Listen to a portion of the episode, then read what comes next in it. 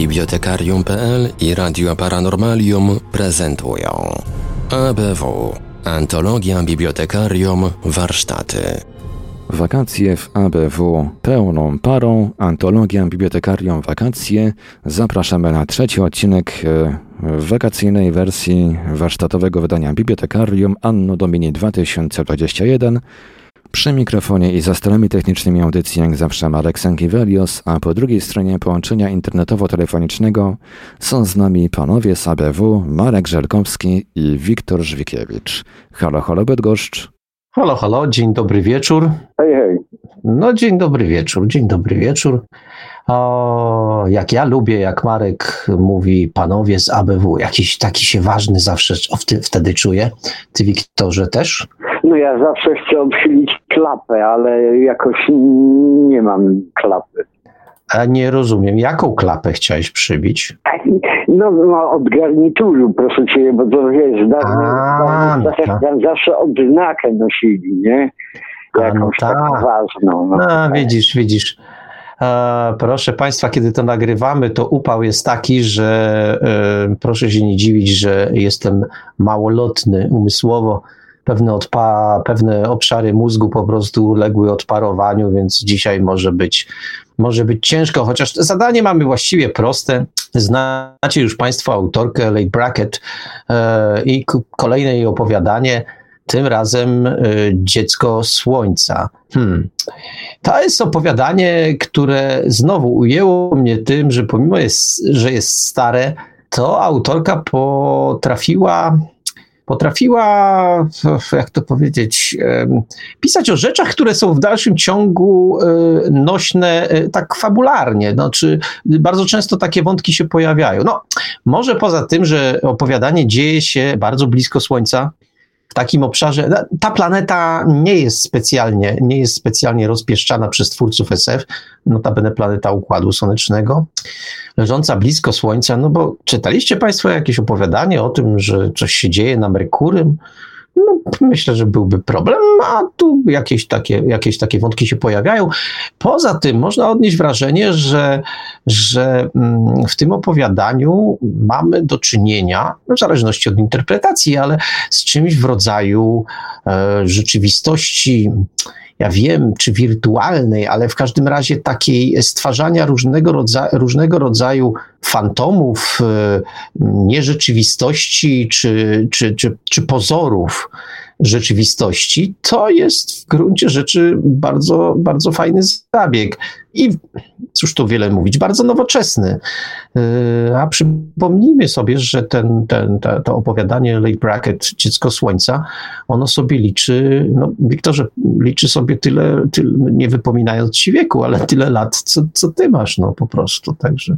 no to całkiem- całkiem, całkiem dziarskie opowiadanie w takim razie. No tak, no Late Bracket y, w ogóle dosyć, dosyć dziarska jest. Ja już wspominałem, że e, autorka, znaczy to, zresztą mnie specjalnie nie dziwi, bo ta autorka, już mu to mówiłem, ale powtórzę, bo może nie wszyscy słyszeli, że to jest autorka takich y, hitów filmowych, kiedyś hitów filmowych, jak Rio Bravo, e, jak Wielki Sen, no i oczywiście science fictionowego przeboju, no, takiego łącznika pomiędzy e, w pierwszej trylogii pomiędzy pierwszą a trzecią częścią musiała być część, część środkowa.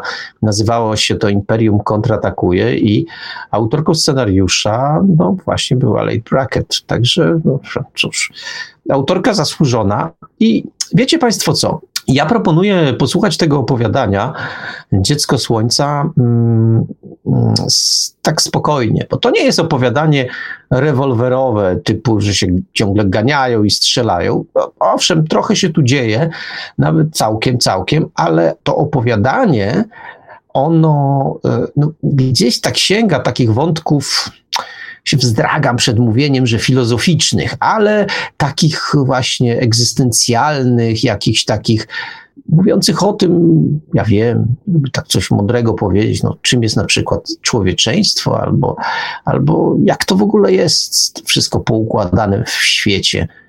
Że pewne rzeczy widzimy, a pewnych rzeczy nie widzimy, a, ale możemy zobaczyć i tak dalej, i tak dalej. No, trochę mi ciężko, bo jakbym, jakbym miał mówić dokładnie i ze szczegółami, to musiałbym Państwu opowiadanie opowiedzieć, a a to ja myślę lepiej, że jak Iwelios je przeczyta, to będzie i dla państwa lepiej, i dla mnie zdrowiej.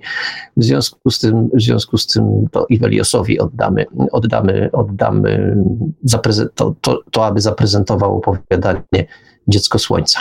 Ale zanim się z Państwem rozstaniemy, to taka jeszcze mała inwentaryzacja, bo czas wakacyjny, mm, no co prawda nie w bibliotekarium, bo my w bibliotekarium ostro pracujemy, no ale w ABW o książkach mówimy jakby mniej. A nie chciałbym, żeby to uciekło, bo dosłownie na dniach y, ukazała się książka Każdy ma swoją ścieżkę.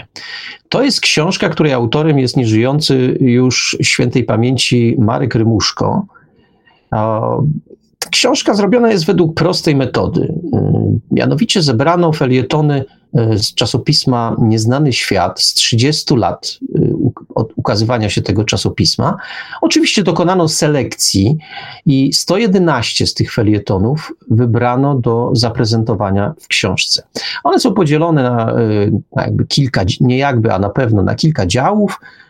I to jest możliwość spotkania się y, z wielkim piórem i z wielkim umysłem.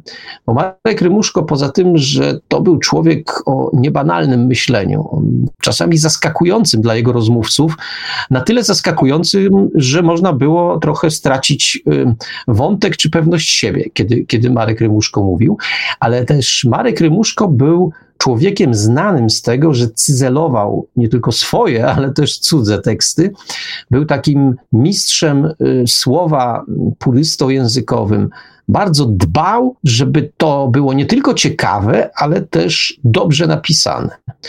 Ty, Wiktorze, też miałeś w końcu e, jakieś kontakty z Markiem Rymuszką. Nie specjalnie, powiedzmy, obfite ani, ani takie wybujałe, no jednak miałeś, bo twoje, twoje opowiadania chińskie były między innymi w nieznanym świecie prezentowane.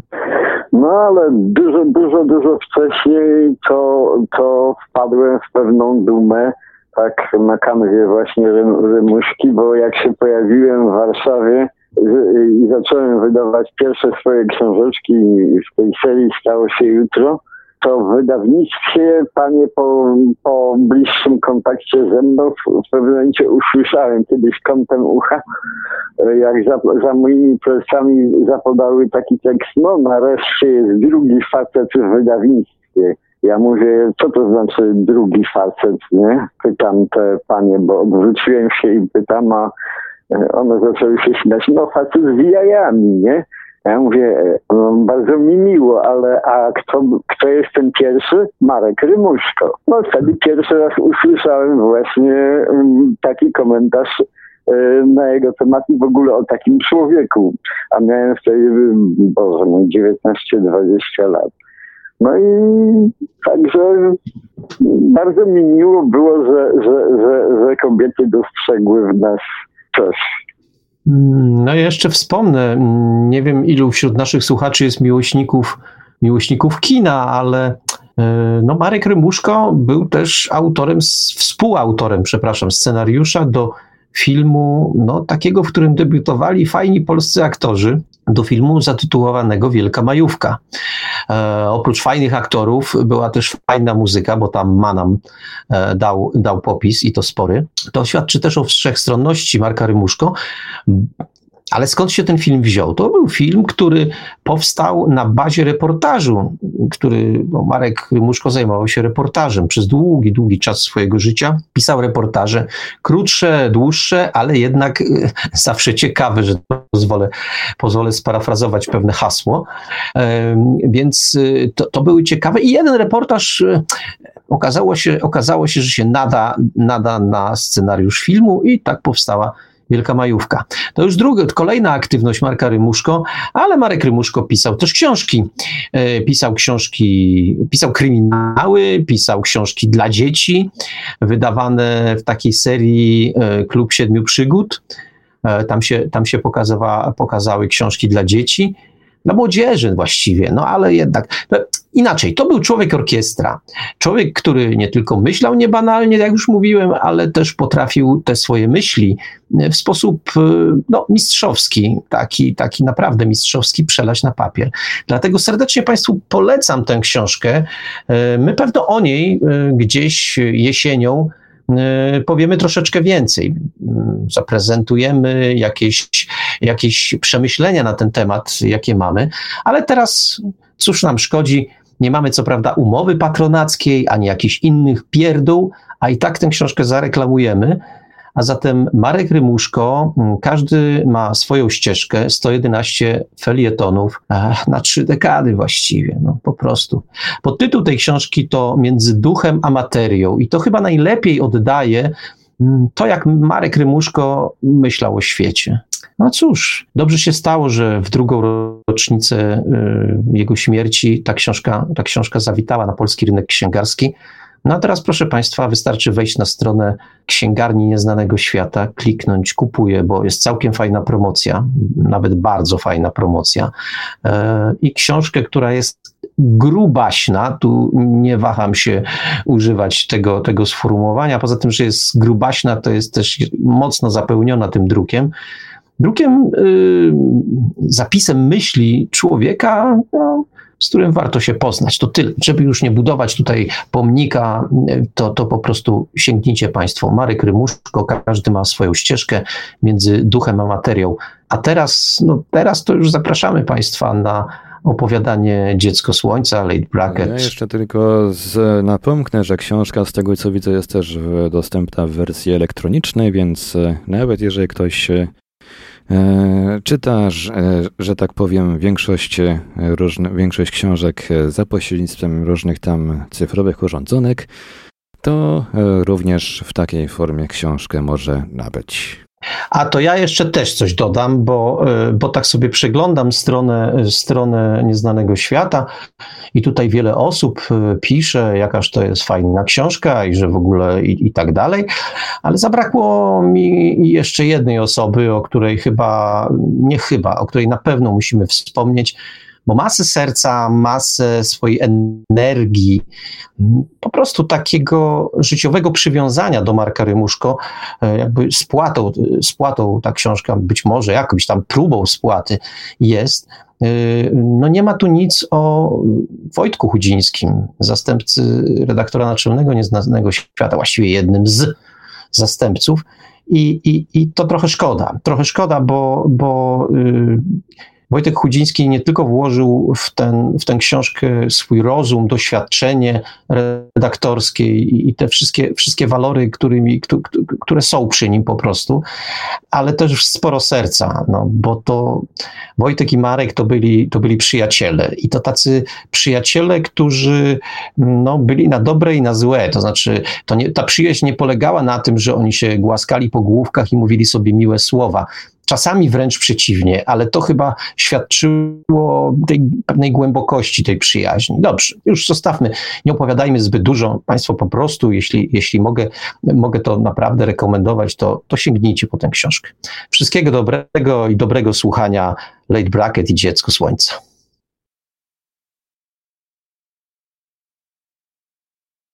Late Bracket, Dziecko Słońca. Tłumaczenie Witold Bartkiewicz w domenie publicznej. Eryk Falken siedział bez ruchu, spoglądając bezradnie na swoje dłonie spoczywające na starach statku kosmicznego Falcon. Czerwone światełka na znajdującym się przed nim panolu wykrywacza pokazywały pozycję statków Hiltonistów, ustawionych w trójwymiarowy odpowiednik punkt Księżyca, otaczający go z góry, od tyłu i z dołu. Kleszcze okrążenia zamykały się szybko. Zwierzęcy instynkt ucieczki popychał go do natychmiastowego działania, ale nie wolno mu było go posłuchać. Miał jeszcze na tyle dużo paliwa, aby wykonać jedno ostatnie szarpnięcie na pełnej szybkości. Ale przez ten pierścień statków nie było drogi ucieczki. Krzyżujące się między nimi promienie ściągające złowiłyby Falcona w swoją sieć jak rybę. Nie było również żadnej drogi przedarcia się do przodu. Przed nim wisiał bowiem Merkury, nieprzyjazny i ostro oświetlony pełnym blaskiem słońca. Statki Gantry Hiltona, prezydenta Federacji Planet, wynalazcy psychokorektora i władcy dusz ludzkości, usiłowały zapędzić go w stronę planety i zmusić do wylądowania w samotnej placówce Straży Kosmicznej. Lądowanie wydawało się nieuniknione, a wtedy dla Paula Avery wybór między śmiercią albo szczęściem. Dla niego samego i Shirley Moore nie było żadnego wyboru. Oczekiwała ich śmierć. Czerwone światełka rozmazywały się przed oczyma Falkena. Łomot płyt pod jego nogami odpływał gdzieś daleko. Czuwał przy sterach od czterech dni, czasu wskazywanego przez chronometry na statku, przez cały czas odkąd Hiltoniści rozpoczęli za nim pościg w Los Angeles na ziemi. Zdawał sobie sprawę, że nie powinien tego robić, że spowodowane jest to jego olbrzymim wyczerpaniem, niepozwalającym mu na jasne i sprawne myślenie. Nie potrafił jednak powstrzymać koszmaru z ostatnich dni, który krążył mu oporczywie po głowie, dudniąc w niej nieustannym pytaniem jak? Jak Hiltoniści podążali jego śladem z Nowego Jorku? Paul Avery, rekrut nieregeneratów, którego przyleciał zabrać, przeszedł dokładne psychoprzeszukanie, które nawiasem mówiąc ujawniło, że jest to jeden z najlepszych umysłów, jakie kiedykolwiek przyłączyły się do ruchu nieregeneratów. On nie mógł być szpiegiem, zaś Avery nigdy z nikim nie rozmawiał, poza Falkenem, a jednak zostali wytropieni. Czarna Straż Hiltonistów obecnie bardzo się zaangażowała w zniszczenie ostatnich dróg ucieczki z Ziemi, dróg, którymi on, Falken, przeprowadzał ludzi. Ale jak? Wiedział, że sam się nie zdradził. Już od 30 lat potajemnie przemycał nieregeneratów z najsilniej ufortyfikowanych bastionów pokoju i szczęścia Gantry'ego Hiltona. Był zbyt starym wygą, żeby popełnić takie błędy. Jednak w jakiś sposób Czarna Straż wykryła ich w Los Angeles, gdzie czekał w ukryciu Falcom. I jakimś sposobem udało im się wydostać z matni, razem z umierającą z głodu dziewczyną, która nazywała się Kitty. Nie, nie Kitty, wymruczał pod nosem Falken. Kitty jest szczęśliwa. Hilton zabrał mu Kitty 30 lat temu, w dniu ich ślubu. Głodująca przebłęda, która nazywała się Sheila Moore, błagała go o pomoc, ponieważ Eric Falcon był niemal bogiem dla nieregeneratów. Udało im się uciec Falconem, ale statki Hiltonistów podążyły za nimi. Skomplikowany, pozbawiony nadziei lot, pełen desperackich wysiłków, żeby zgubić gdzieś pościg, zanim nie znajdą się za blisko słońca. Raz za razem, nieustannie zużywając cenne paliwo i szarpiąc przyspieszeniami, które nadgryzły nawet jego twarde ciało, Falken doprowadził do tego, że wydawało mu się, że uciekł. Ale oni znowu go znaleźli. Sposób, w jaki tego dokonali, był zupełnie niewyobrażalny. Teraz nie miał już gdzie uciekać, ale przynajmniej odciągnął Hiltonistów od tych żałosnych, głodujących lisich nor, w których kryli się jego ludzie gdzieś na planetach zewnętrznych, jałowych asteroidach i w ciemnych, zniszczonych kadłubach wraków unoszących się w kosmosie z dala od szlaków komunikacyjnych. A prędzej by się zabił, niż pozwolił na to, aby psychoprzeszukanie Hiltonistów wydobyło z jego mózgu informacje o nieregeneratach. Zabije się, jeśli tylko zdoła się obudzić.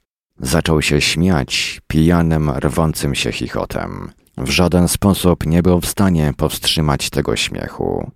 Złapał się rękoma krawędzi pulpitu i śmiał się, aż łzy zaczęły spływać po jego pokrytej bliznami ponurej twarzy.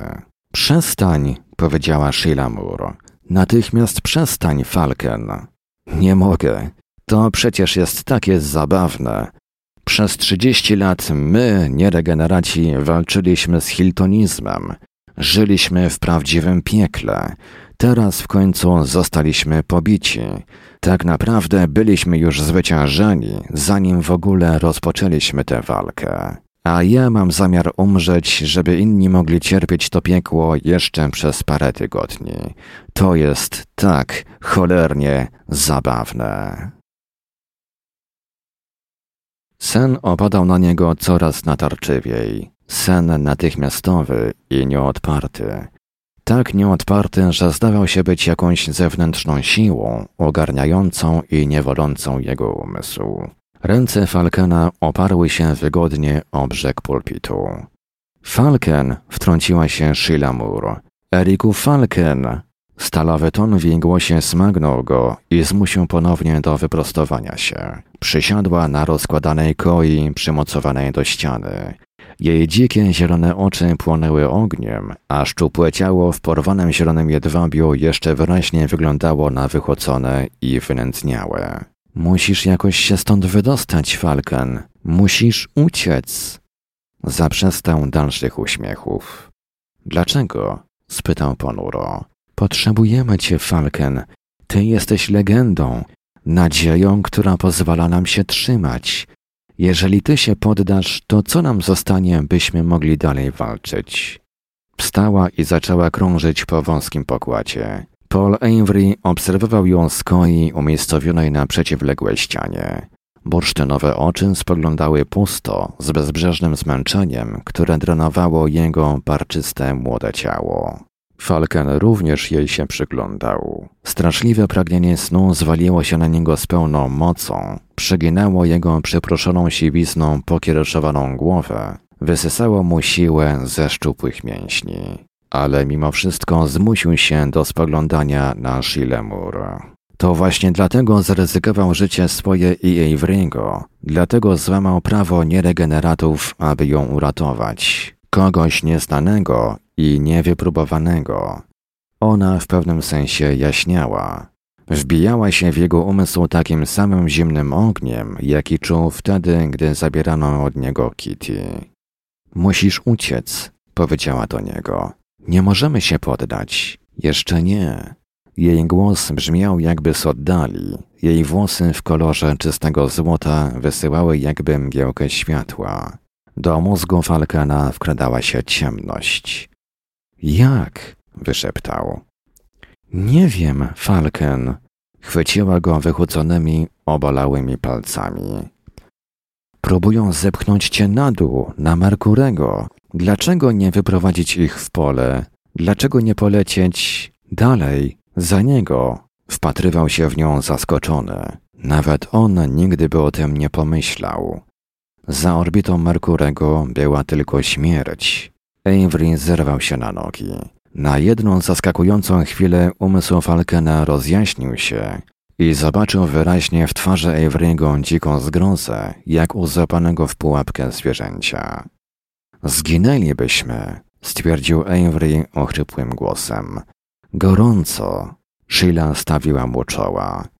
I tak przecież umrzemy, chyba że chcesz się poddać psychozmianie. Dlaczego więc nie spróbować, Erik? Ich przyrządy nie powinny działać poprawnie tak blisko Słońca. Być może okaże się nawet, że będą się bali polecieć za nami. Jej szorstka gorączkowa siła wręcz biła im w oczy. Spróbuj, Erik. Nie mamy nic do stracenia. Paul Avery powiódł wzrokiem od jednego z nich do drugiego, a potem do czerwonych światełek oznaczających statki.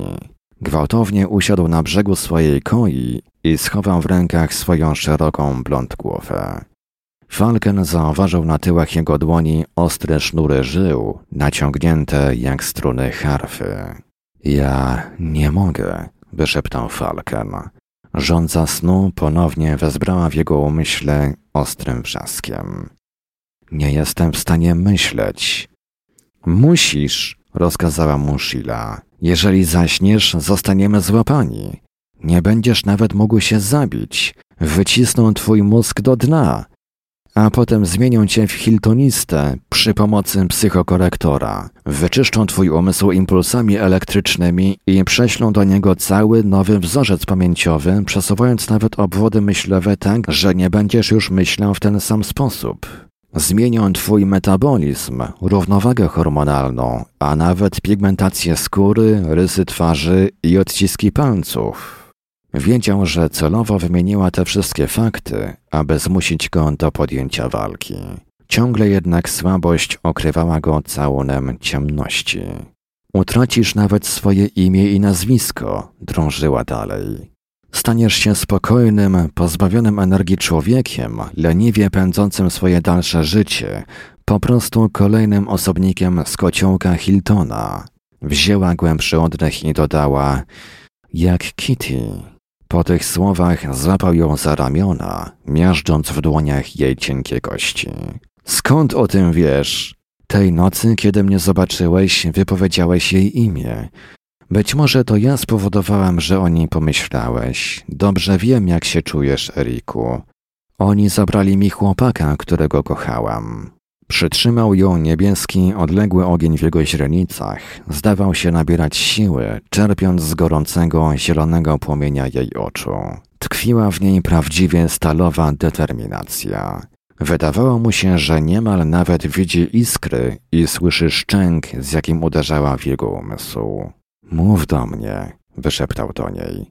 Pilnuj mnie, żebym nie usnął. Spróbuję. Fale snu pochwyciły Falkena niemal z fizyczną siłą, ale odwrócił się do pulpitu ze sterami. Ostre światło Merkurego dźgało w jego nabiegłe krwią oczy. Czerwone światełka zaciskały coraz mocniej swoje okrążenie. Nie był w stanie myśleć. Wtedy Sheila Moore zaczęła mówić. Stała tuż za nim, trzymając na jego ramionach swoje wychodzone, lecz pełna życia dłonie i zaczęła opowiadać mu historię Hiltonizmu. Psychokorektor Gantry Hiltona początkowo był pożytecznym wynalazkiem. Poprzez odwzorowanie i sztuczne oczyszczenie fal mózgowych oraz wykorzystanie hipnozy elektrycznej do transmisji wzorców myślowych bezpośrednio do umysłu, służył do leczenia szaleństw, neuros i skłonności kryminalnych niespowodowanych uszkodzeniami fizycznymi mózgu. Potem, wraz z końcem wojny międzyplanetarnej, czerwone światełka zbliżały się coraz bardziej. W jaki sposób mógłby przedostać się przez baterię Straży Kosmicznej? Głos Shili pozwolił mu odepchnąć ciemność. Tym, czego najbardziej potrzebował, była szybkość i więcej odwagi niż musiał używać kiedykolwiek wcześniej w całym swoim życiu. No i szczęścia. Mów dalej, Shilo. Nie pozwól, żebym zasnął. Hilton zrobił karierę na swoim wynalazku. Ludzie byli znużeni sześcioma latami zmagań. Autentycznie chcieli hiltonizmu, pokoju i szczęścia. Kierowała nimi żądza ucieczki od życia, powodując, że zachowywali się jak lunatycy. Jego ręka znalazła dźwignię awaryjną i przesunęła ją do dołu. Ostatnie uncje zaoszczędzonej mocy pomknęły do silników rakietowych. Falcon odzyskał siły i zatoczył się. Potem wystrzelił w stronę Merkurego z ostrym, wysokim piskiem torturowanego metalu, przemieszczającym się po wibrujących ścianach kabiny. Poczuli wybuch pocisków kosmicznych. Wstrząsnęły one falkonem, ale zostały daleko z tyłu. Zamykający się pierścień czerwonych światełek uciekał coraz dalej. Przyspieszenie szarpało ciałem Falkena, ale pajęczyna snu nieco się rozluźniła. Głos Shili wykrzykiwał do niego historię zniewolenia ludzkości. Obnażone, głodne szczyty gór Merkurego wyszczerzyły swoje zęby do Falkena. W tej samej chwili obudziły się również dzieła placówki Straży Kosmicznej. Mów do mnie, Sheila! zawołał. Mów przez cały czas. Tak więc Gantry Hilton uczynił siebie czymś podobnym do Boga, rządząc myślami i emocjami swoich poddanych. Obecnie nie ma żadnej opozycji przeciwko niemu poza nieregeneratami, a nam brak jest odpowiedniej siły. Ludzie żyją w spokojnym odrętwieniu. Nikt nie może czuć niezadowolenia, nielojalności albo chęci rozwoju, czy też nawet zmiany. Nikt nie może walczyć, nawet w sensie moralnym. Gantry Hilton jest Bogiem. Jego syn, który nastąpi po nim, będzie również Bogiem a ludzkość umiera. Falken odniósł nagle wrażenie, jakby w jego mózgu rozległo się dziwne, niemal słyszalne pstryknięcie. Poczuł szybki, straszliwy zalew nienawiści, która zaskoczyła go, ponieważ zdawała się nie być częścią jego samego. Potem odpłynęła, a jego umysł był czysty i sprawny. Nadal był zmęczony, aż do granic zupełnego wyczerpania, ale mógł jasno myśleć i walczyć. Wszędzie dookoła rozbłyskiwały i gasły gwiazdy silnego, palącego ognia. Udręczone płyty kadłuba statku skrzyczały w agonii. Szczupłe dłonie Falkena tańczyły po kontrolkach na pulpicie. Teraz już wiedział, co ma zrobić. W dół, w dół, prosto w czarne, plujące ogniem pyski dział, stawiając na to, że ten nagły, szybki rzut przed siebie zdezorientuje kanonierów, że maleńka plamka jego statku waląca się na dół, na łeb, na szyję będzie trudna do dostrzeżenia na tle pocentkowanych gwiazdami głębin kosmosu. Wargi Falkena były zupełnie białe. Szczupłe dłonie Shili stały się tylko niezauważalnym bólem na jego ramionach. W dół, w dół, szczyty Merkurego prawie muskały kadłub statku.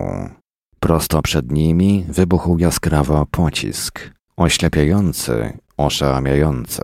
Falken trzymał statek pod kontrolą wyłącznie instynktownie. Ryczące rakiety przez moment starły się z przyciąganiem grawitacyjnym. Potem statek przeszedł, znajdując się po drugiej stronie. Po drugiej stronie Merkurego, w wolnym kosmosie, jak pędząca ze wszystkich sił ćma, ginąca zupełnie na tle tytanicznych promieni słońca. Falken odwrócił się. Paul Avery leżał spokojnie na swojej koi, ale jego złote oczy były szeroko otwarte, wpatrując się w Falkena. Przesunęły się na Shile mur, która ześlizgnęła się wyczerpana na podłogę, a następnie wróciły na Falkena i wpatrywały się. Wpatrywały dziwnym, surowym wzrokiem, którego Falken nie potrafił przeniknąć. Falken wyłączył silniki i zablokował stery. Gorąco już wcześniej zaczęło przesączać się do wnętrza kadłuba. Wyjrzał przez przycienione porty widokowe na olbrzymie i obrzmiałe słońce. Jeszcze żaden człowiek w historii lotów kosmicznych nie zaryzykował znalezienia się tak blisko niego. Zastanawiał się, jak długo zdałają wytrzymać gorąco i czy kadłub mógł dać im dostatecznie dobrą osłonę przed potężnym promieniowaniem. Chwilowo jednak jego umysł wraz z zawartą w nim wiedzą o wszystkich obozowiskach nieregeneratów był bezpieczny. Zdając sobie sprawę z desperackiego charakteru tej myśli, uśmiechnął się sardonicznie, zastanawiając się, czy czasami zwykłe przyzwyczajenie nie zajęło u niego miejsca rozsądku. Potem jasna głowa Shilin spowodowała, że pomyślał o Kitty i wiedział już, że to zdradziło go jego zmęczone ciało. Nigdy nie mogłoby się poddać. Położył się obok Shili, wziął jej dłonie w swoje i powiedział: Dziękuję ci.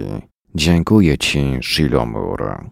A potem zupełnie spokojnie zasnął z głową na jej łonie. Gorąco stało się czymś trudnym do zniesienia, wampiryczną istotą wysysającą siły. Erik Falken czuł to jeszcze nawet zanim się obudził. Leżał na koi Avery'ego, a pot cieknący z jego ciała strumieniami utworzył pod nim kleistą kałużę. Sheila leżała naprzeciwko niego z zamkniętymi oczyma, włosami w kolorze surowego złota, odgarniętymi za skroni. Porozrywane zielone kawałki jej jedwabnej sukienki wisiały luźno. Delikatność jej wycieńczonego głodem ciała nadawała jej dziwne piękno, czyste i kruche, jak w przypadku lodowej rzeźby. Żyła na ulicach i w piwnicach, kryjąc się przed hiltonistami, ponieważ nie chciała być szczęśliwa. Była to silna, twarda dziewczyna, jak bezdomny kot, który po prostu nie chciał umrzeć. Avery siedział w fotelu pilota, wyglądając przez zacieniony port. Kiedy Falken wstał, odwrócił się do tyłu. Wyczerpanie zniknęło z jego kwadratowej młodej twarzy, ale oczy ciągle miał nieprzeniknione i dziwne. Falken nie był w stanie ich zgłębić, ale wyczuwał w nich strach. Jak długo spałem? spytał go Falken. Avery wzruszył ramionami. Zegar stanął, ale dosyć długo, może nawet ze dwadzieścia godzin. Falken podszedł do sterów. Lepiej będzie już zawrócić.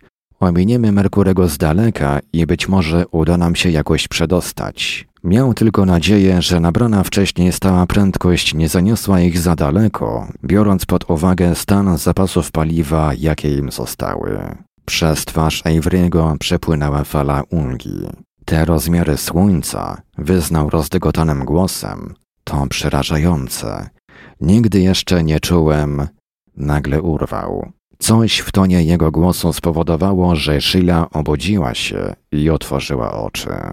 Nagle zaczął dzwonić dzwonek detektora masy, gwałtowny, natarczywy sygnał. Meteor! zawołał Falken i skoczył do ekranu wizora. Potem stanął jak wmurowany, wpatrując się w obraz, jaki na nim zobaczył. To nie meteor pędził w ich stronę z potężnych płomieni słońca. To była planeta. Ciemna planeta, czarna jak rozciągająca się za nią nieskończoność, pusta i okrutna jak śmierć głodowa, jedynie na najwyższych, postrzępionych szczytach gór, muśnięta subtelnymi, fosforyzującymi ognikami światła. Paul Avery wyszeptał: Dobre Boże, planeta? Tutaj? Ale przecież to jest niemożliwe. Sheila Moore wyskoczyła z koi. Niemożliwe? A pamiętacie te stare legendy o wulkanie, planecie położonej pomiędzy Merkurem i Słońcem? Nikt nie chciał w nią wierzyć, ponieważ nigdy nie udało jej się odnaleźć, ale również nigdy nie udało się podać wyjaśnienia zwariowanej orbity Merkurego poza oddziaływaniem grawitacyjnym innego ciała. Avery wciąż nie mógł uwierzyć, ale obserwatoria na Merkurym z pewnością musiałyby ją znaleźć, czy nie? Na jego silnej białej szyi zaczęła pulsować żyła. A jednak tam jest, niecierpliwie rzucił ostro Falken. A za minutę rozbijemy się na niej, chyba że... Shilo, Shilo Moore, Przećmiony blask przebijający przez porty widokowe oświetlił dumne, ponure rysy jego cygańskiej twarzy i nagły ogień w jego niebieskich oczach. To jest planeta, Shilo. To może być świat dla nas. Świat, na którym nieregeneraci mogliby zamieszkać i przeczekać. Wciągnęła głęboko oddech i wpatrywała się w niego niedowierzającym wzrokiem, zaś Paul Avery powiedział ale popatrz tylko na to, Falken. Tam nikt ani nic nie zdoła przeżyć. Falken odparł uprzejmie. Boisz się wylądować i zobaczyć? Żółte oczy spoglądały na niego płonącym wzrokiem, zmieszane i wystraszone. Potem Avery gwałtownie się od niego odwrócił. Nie, ale nie możesz na niej wylądować, Falken. Spójrz tylko na nią. Falken spojrzał, wykorzystując silny promień przeszukujący, sądując. Wulkan był nawet jeszcze mniejszy niż Merkury. Nie było na nim atmosfery. Z jego powierzchni, jak odłamki czarnego szkła, sterczały w górę najeżone ostre szczyty górskie, obracające się powoli w niesamowicie jasnej poświacie słońca. Promień wniknął bliżej, w bezdenną czerń kanionów między nimi. Nie było tam niczego poza szklistymi skałami i od czasu do czasu przyćmionymi błyskami światła między nimi. Wszystko mi jedno, oświadczył Falken. Mam zamiar wylądować. Jeżeli była choćby najmniejsza szansa, nie miał zamiaru pozwolić, aby wyślizgnęła mu się z rąk. Nieregeneracja była niemal martwa na zamieszkałych planetach. Paul Avery był jedynym rekrutem od wielu miesięcy, a bez dopływu świeżej krwi mizerne bastiony wolności w zewnętrznych regionach układu również umrą. Głód, choroby, zimno i ciemność, niepewność i niebezpieczeństwo, okropna zgroza ludzi żyjących w oderwaniu od ziemi i światła. Jeżeli nie znajdą jakiegoś bezpiecznego miejsca oferującego ciepło, światło i ziemię, gdzie można by hodować żywność, gdzie mogłyby się rodzić i rosnąć dzieci, Gantry Hilton wkrótce będzie miał cały układ słoneczny jako swoją zabawkę. Nie było już kolejnych protestów. Falcon z niesamowitą biegłością skierował statek na dół, lądując na występie skalnym po nocnej stronie. Potem odwrócił się do nich, czując jak krew wali mu w nadgarstkach i w szyi. Skafandry próżniowe, powiedział. Są dwa i jeden zapasowy. Założyli je na siebie, wygramolili się z trudem przez śluzę powietrzną i stanęli nieruchomo, pierwsi ludzie na nowo odkrytej planecie. Ołowiane obciążniki w butach przytrzymywały ich na tyle dobrze, że mogli chodzić po powierzchni planety. Falken dźgnął stalowym ostrzem trzonka czekana w skalne podłoże. To coś podobnego do szkła, powiedział. Jakiś nieznany związek chemiczny prawdopodobnie powstał dzięki tej samej sile zaburzeń słonecznych, które utworzyły planety. To wyjaśniałoby jego odporność na nagrzewanie się. Cokolwiek by to nie było, odparł Avery, materiał ten pochłania światło. To właśnie dlatego planety nie udało się wcześniej zobaczyć. Odbijają się od niego tylko niewielkie odbłyski, zbyt słabe dla teleskopów, nawet na Merkurym. Przyrządy nie są w stanie ich wychwycić na tle Słońca. Masa planety jest za mała, aby widoczne były jej tranzyty, a jej tarcza niemal nie odbija światła. Słuchawki radia przekazały mu odpowiedź Avery'ego bardzo czysto i Falcon uświadomił sobie, że materiał, z którego zbudowana była powierzchnia planety, stanowił dobrą izolację przeciwko falom radiowym generowanym przez Słońce, które normalnie uniemożliwiałyby wszelką komunikację. Coś w rodzaju ciemnego obcego kryjącego się w kosmosie, powiedziała Sheila i zadrżała. Popatrz tylko, Erik. Czy to nie jest wejście do jaskini? Serce Falkana fiknęło koziołka z nadziei. Na Plutonie również były jaskinie, być może w ukrytym sercu tej dziwnej planety. Ruszyli w stronę otworu. Było zaskakująco ciepło. Falcon przypuszczał, że czarna skała rozprowadzała ciepło słoneczne zamiast je zatrzymywać. Nad ich głowami wznosiły się poszarpane, cienkie iglice skalne, strzelające wysoko w gwiazdy. Sporadycznie pojawiały się na nich przytłumione błyski światła, spływające na dół i ginące w hebanowo-czarnych głębinach dolin. Przed nimi otworzyło się wejście jaskini, a ich reflektory oświetliły błyszczące ściany, opadające pionowo w dół i niknące w rozpościerającej się poniżej czerni. Falcon odwinął linkę z włókna syntetycznego o długości tysiąca stóp, którą miał uwiązaną do pasa. Była nie grubsza niż pajęcza nić, a dostatecznie mocna, aby równocześnie utrzymać i Falkena i Avery'ego. Przywiązał do niej ciężarki zabrane każdemu z jednego z metalowych butów i rzucił obciążony koniec na dół. Wydawało się, że lina leciała bez końca, ponieważ ołowiane ciężarki przy słabej grawitacji spadały bardzo powoli. 800-900 stóp. Kiedy w dłoni Falkena pozostało już niewiele ponad 5 stóp linki, zatrzymała się. No dobrze, stwierdził. Jest dno. Paul Avery złapał go za ramię. Nie chcesz chyba zejść na dół? A dlaczego nie? Falken zaintrygowany obrzucił go groźnym spojrzeniem. Ty możesz zostać tutaj, jeśli masz ochotę. Sheila? Idę z tobą. W porządku, wyszeptał Avery. Ja też pójdę. Jego bursztynowe oczy przez chwilę przypominały oczy schwytanego w pułapkę lwa, pełne strachu i niebezpieczne. Niebezpieczne? Falken z irytacją pokręcił głową. Wbił swój czekan w pęknięcie skały i dobrze umocował linkę. Trzymajcie się jej mocno, powiedział. Będziemy latać jak balony, ale bądźcie ostrożni. Ja pójdę pierwszy. Jeżeli coś tam na dole pójdzie nie tak, to zrzucajcie obciążnik z drugiego buta i szybko wciągajcie się po linie na górę. Ruszyli w dół, huśtając się niemal przez wieczność na obciążonej lince. Po ciemnych jak noc ścianach przelatywały od czasu do czasu niewielkie błyski światła. Robiło się coraz goręcej. W pewnej chwili Falken uderzył w jakieś wybrzuszenie ściany i poczuł, że ześlizguje się wzdłuż nachylonego pod kątem 45 stopni występu. Nagle zrobiło się jasno. Falken wykrzyczał z całej siły ostre, gwałtowne ostrzeżenie. Stworzenie było już niemal nad nim. Kolos o płonących oczach, umiejscowionych na szypułkach o długości stopy, z rozdziawionymi, pełnymi kłów szczękami i kłębami potężnych mięśni. Falken złapał za swój blaster. Szybki ruch spowodował, że stracił równowagę.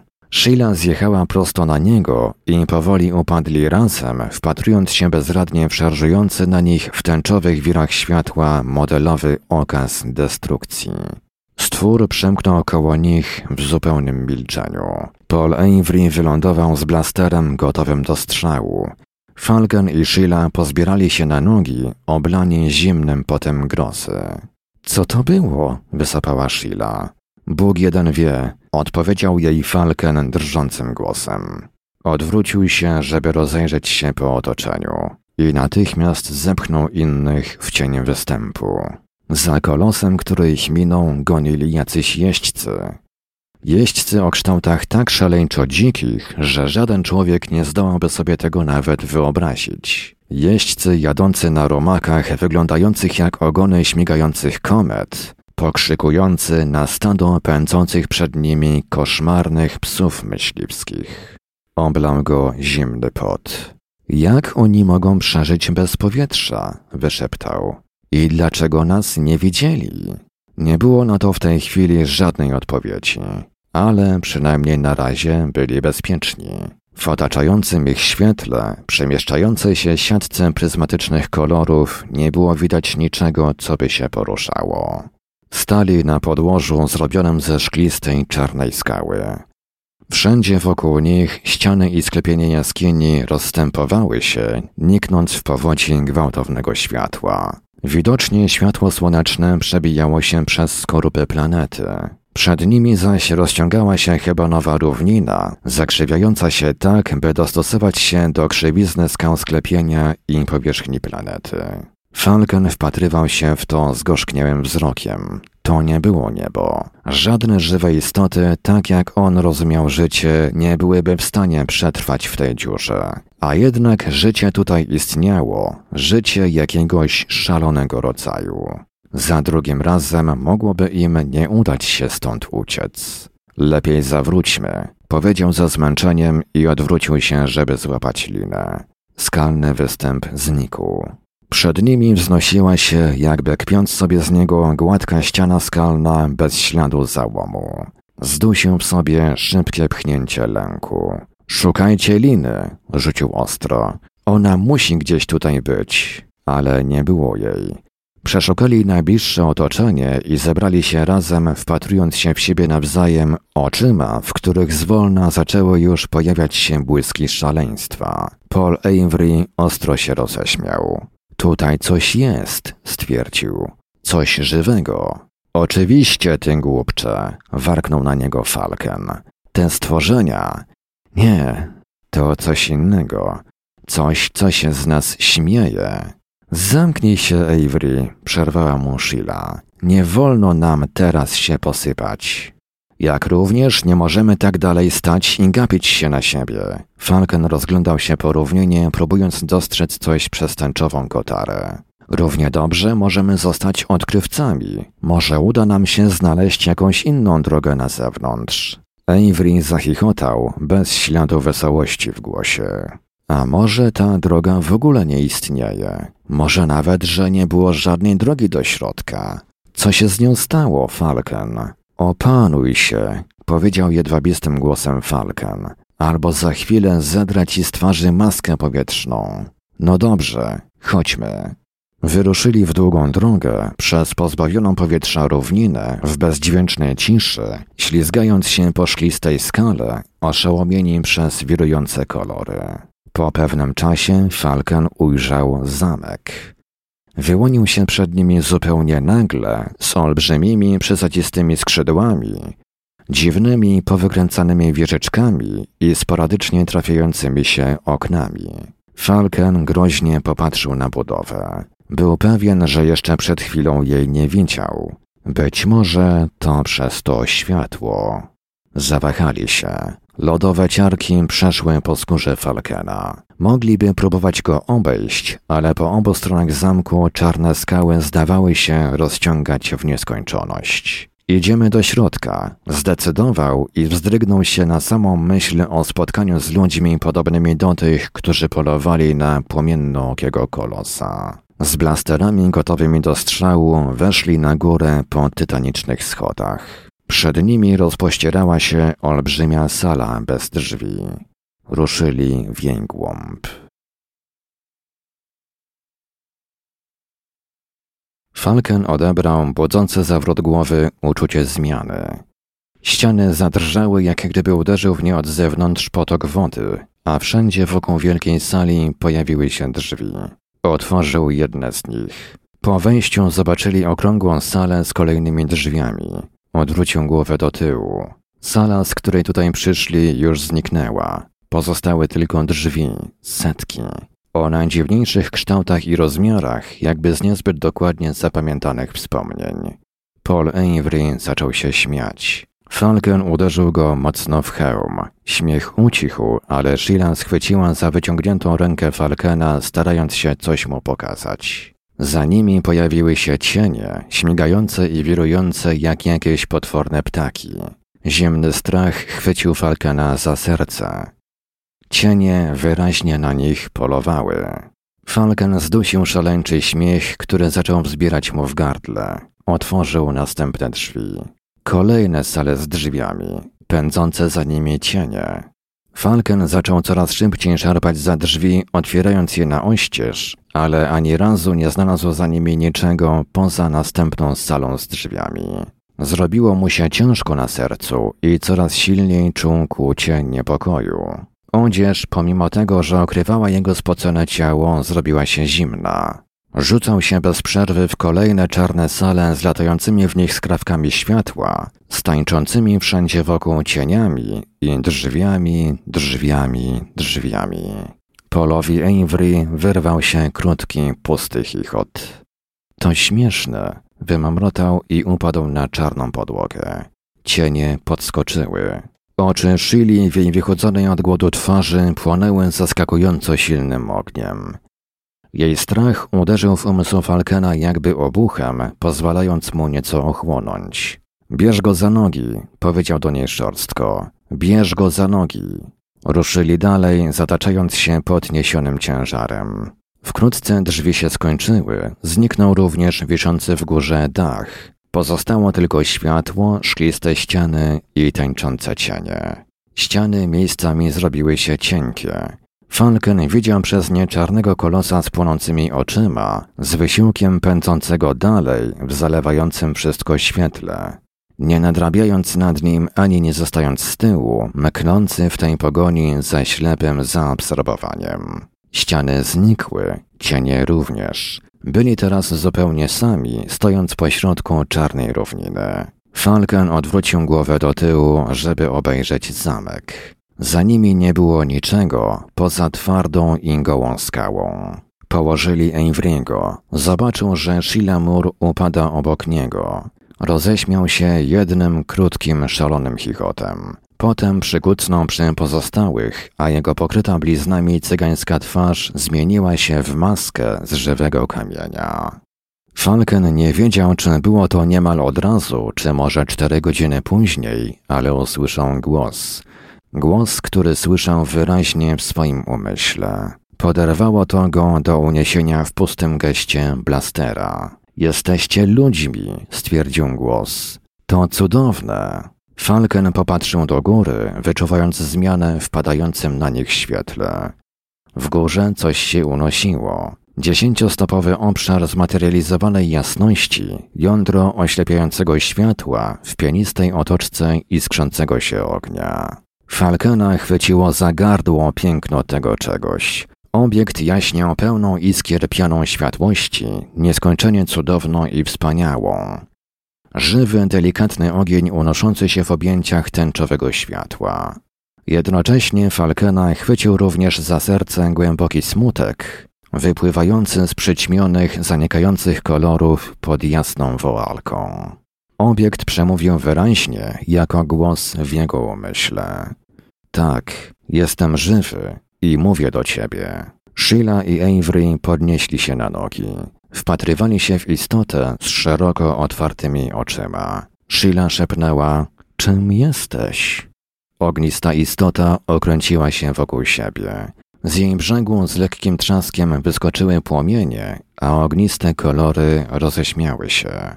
Kobieta, czy nie? Wspaniale. Będę musiał wymyślić coś bardzo specjalnego. Przez kolory płomieni przebiegła delikatna zmarszczka, kiedy zmieniły się myśli istoty. Wy, ludzie, naprawdę mnie zadziwiacie.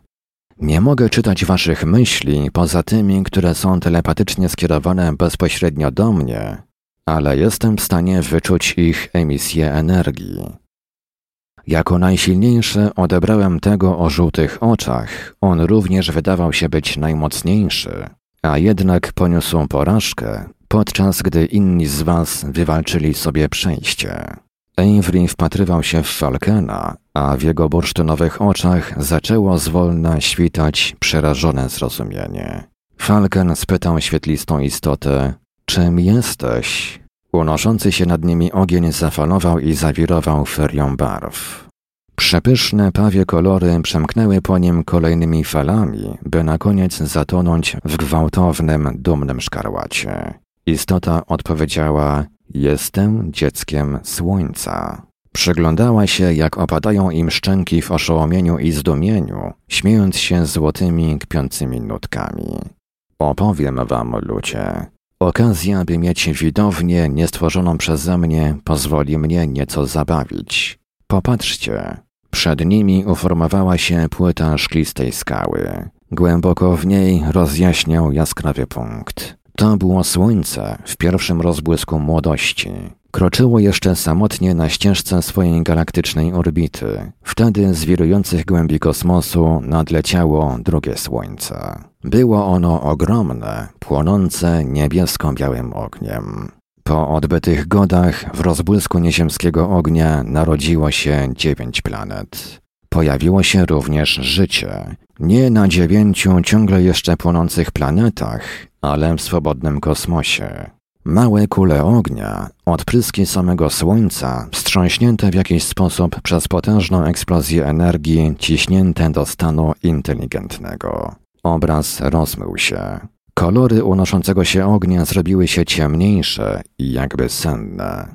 Było nas wielu, westchnęła istota. Byliśmy jak niewielkie słońca, żyjące dzięki konwersji swoich własnych atomów. Wyruszyliśmy w otwarty kosmos. Przez ekran przemknęły jakieś rozmyte obrazy, chwały przekraczającej ludzkie zrozumienie, zacierające się barwy obcych planet i wielkich wirujących słońc dalekiego kosmosu. Głos wyszeptał, tak jak słońce promieniowaliśmy naszą własną energią. Mogliśmy pobierać siłę od naszego rodzica, ale w niewystarczających ilościach. Umieraliśmy. Ale ja byłem silniejszy niż reszta i bardziej inteligentny. Zbudowałem sobie skorupę. Zbudowałeś to, zawołał Avery. Ale jak? Cała materia stworzona jest z czystej energii, elektronów i protonów istniejących w stanie swobodnym. Z części mojej własnej masy zbudowałem wokół siebie ten świat, aby zatrzymywać energię Słońca i ograniczać emisję mojego własnego promieniowania życiowego. Żyłem w miejscu, w którym wymarła moja rasa. Obserwowałem, jak planety ochładzają się i ożywają, a następnie umierają. Ja również nie jestem nieśmiertelny. Moja masa coraz bardziej się zmniejsza i ulatuje poprzez moją skorupę. Ale to zajmie jeszcze dużo, dużo czasu. Na tyle, że będę obserwował również śmierć słońca. Głos zamilkł. Kolory były już jedynie popiołami światła. Falkena ogarnął olbrzymi, przejmujący smutek. Wkrótce potem jednak małe, złośliwe płomyki ponownie rozpaliły się do życia, a głos oznajmił Moim największym problemem jest brak rozrywki. Tutaj, w tej czarnej skorupie, zmuszony jestem czerpać przyjemności wyłącznie ze swojej własnej wyobraźni. Falken złapał głęboki oddech. A więc ci łowcy, ten występ skalny, który zniknął i ten piekielny zamek? Poczuł jednocześnie lodowate, zimno i gorąco. Niezłe, co? Stworzyłem te łowy już parę eonów temu. Zgodnie z moim zamysłem, ani ta bestia nie może uciec, ani łowcy nie mogą jej złapać. Ale dzięki niewielkiemu czynnikowi niepewności jest pewna szansa, że w czasie paruset miliardów lat jedno lub drugie wydarzenie może w końcu nastąpić. Na razie jednak polowanie zapewnia mi niekończącą się rozrywkę. A zamek? zapytał jedwabistym głosem Falken. On także służy twojej zabawie? Och tak, te wasze emocjonalne reakcje bardzo interesujące. Falken uniósł swój blaster i wystrzelił w samo jądro światła. Żyjący ogień zawirował i skręcił się. Dziecko słońca roześmiało się. Czysta energia tylko mnie karmi. A więc, czy nie ma już żadnych dalszych pytań? Głos Falkena był nadal bardzo delikatny. Czy nie myślisz o niczym innym poza rozrywką? Przez rozbuchane kolory przebiegły zmarszczki, a spod nich zaczęły wyglądać przyćmione, smutne, jasne fiolety. A czymże innym mógłbym wypełnić sobie czas? Czas. Czas od chwili, kiedy niewielki, zamarznięty Pluton był żarzącym się gazem. To ty zamknąłeś wejście, którym się tutaj dostaliśmy? Nagle stwierdził Avery. Oczywiście, ale otworzysz je z powrotem. Pozwolisz nam stąd wyjść? Ton jego głosu zdradzał go wyraźnie. Falken również to wiedział, tak samo jak i Sheila.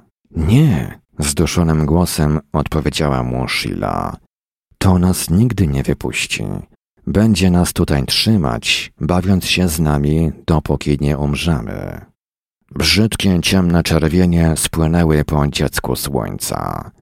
Śmierć, wyszeptało. Moje stworzenia istnieją, dopóki nie zażyczę sobie ich zniknięcia, ale śmierć, prawdziwa śmierć, to byłaby najwyższa rozrywka.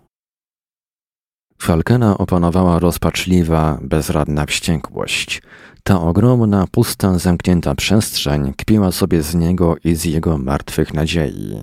Drwiła potężnymi ścianami, tworzonymi i przemieszczanymi mocą tego ślicznego, pozbawionego duszy płomienia, jakby to były zasłony z dymu. Tworzonymi i przemieszczanymi. Nagły wybuch ognia uderzył w jego mózg.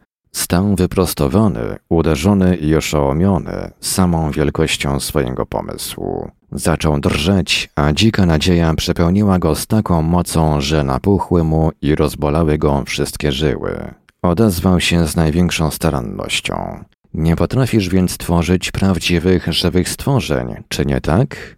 Nie, odparło dziecko słońca.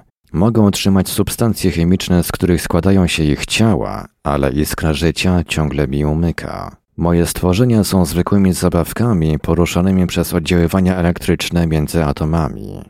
One myślą w pewien ograniczony sposób i mogą czuć podstawowe emocje, ale nie żyją w prawdziwym sensie tego słowa.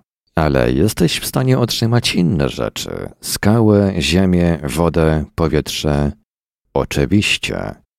Wymagałoby to użycia sporej części mojej siły i osłabiłoby moją skorupę, ponieważ musiałbym rozdzielić część skał na pierwiastki, a następnie je przebudować. Ale chyba nawet mógłbym to zrobić bez poważniejszej straty. Zapadła cisza. W oczach Falkena zapłonęły odległe niebieskie ogniki. Widział, że pozostali przeglądają mu się ze zdziwieniem. Rozważał ryzyko ogromnego niepowodzenia ciążące nad nim, jak czarne chmury burzowe uwieńczone szaleństwem i śmiercią. Ale dusza dygotała mu w uniesieniu, kiedy patrzył na stworzenie będące ośrodkiem tego wszystkiego. Dziecko słońca spytało jedwabistym głosem: Dlaczego miałbym to wszystko robić? Dla rozrywki, wyszeptał Falken. Najwspanialsza zabawa, jaką kiedykolwiek miałeś. Ponownie rozbłysły jaskrawe kolory. Opowiedz mi, człowieku. Najpierw musimy dobić targu. Dlaczego w ogóle miałbym się targować? Jesteście moi. Mogę zrobić z wami wszystko, co zechcę. Zgadza się, ale nie wytrzymalibyśmy zbyt długo. Po co miałbyś marnować swoją wyobraźnię dla trójki z nas, kiedy możesz mieć do dyspozycji tysiące? Bursztynowe oczy Avery'ego szeroko się otworzyły. Szok i niedowierzanie osłabiło zasztywniałe mięśnie Shili. Tysiące ludzi, którymi mógłbym się bawić? Ta żarliwa zachłanność przyprawiła Falkena o mdłości. Jak dziecko pożądające jaskrawo pomalowanej zabawki, tylko że tutaj zabawkami były ludzkie dusze. Nie, zanim nie zawrzemy umowy, powiedział. No dobrze, na czym polega ta umowa? Szybko. Wypuść nas stąd, a zyskasz zdobycz, o której ci opowiem. Być może wypuszczę was, a potem nie zyskam niczego. Musisz nam zaufać, nalegał Falken. Cały drżał, a wszystkie nerwy go bolały. Posłuchaj, tysiące spośród moich ludzi żyją jak ścigane zwierzęta na pustkowiach Układu Słonecznego. Potrzebują jakiegoś świata, żeby w ogóle przetrwać. Jeżeli zbudujesz im taki w sercu tej planety, sprowadzę ich tutaj. Ty ich nie zabijesz. Pozwolisz im tutaj żyć, żeby podziwiali cię i sławili za ratunek dla nich. Przez pewien czas znakomitą zabawą będzie po prostu zwykła ich obserwacja. Potem mógłbyś zabierać kogoś raz i tylko na chwilę, aby wziął udział w jakiejś specjalnej grze. Ja wcale tego nie chcę, ale już lepiej żyć w taki sposób, niż zostać doszczętnie zniszczonym. Lepiej również dla ciebie, co? Dziecko słońca zawirowało z zastanowieniem. Rozmnażać ludzi jak krowy, zawsze mieć jakiś zapas. To cudowny pomysł. A więc zrobisz to? Pot zupełnie zalał brew Falkana. Być może tak. Powiedz mi szybko, czego chcesz. Falken odwrócił się do swoich oszołomionych i niedowierzających towarzyszy. Chwycił ich oboje za ręce, boleśnie mocno. Zaufajcie mi, zaufajcie mi na miłość boską, szepnął do nich. A później na głos, pomóżcie mi szybko określić, czego będziemy potrzebowali. W świetle dziecka słońca pojawiła się lekka zmarszczka złocistych nut śmiechu, ale Falken obserwował oczy Shili. Przebiegł przez nie błysk zrozumienia, mrugnięcie dzikiej nadziei. Tlen, podpowiedziała. Azot, wodór, dwutlenek węgla i ziemia, dodał Falken. Wapno, żelazo, aluminium, krzem.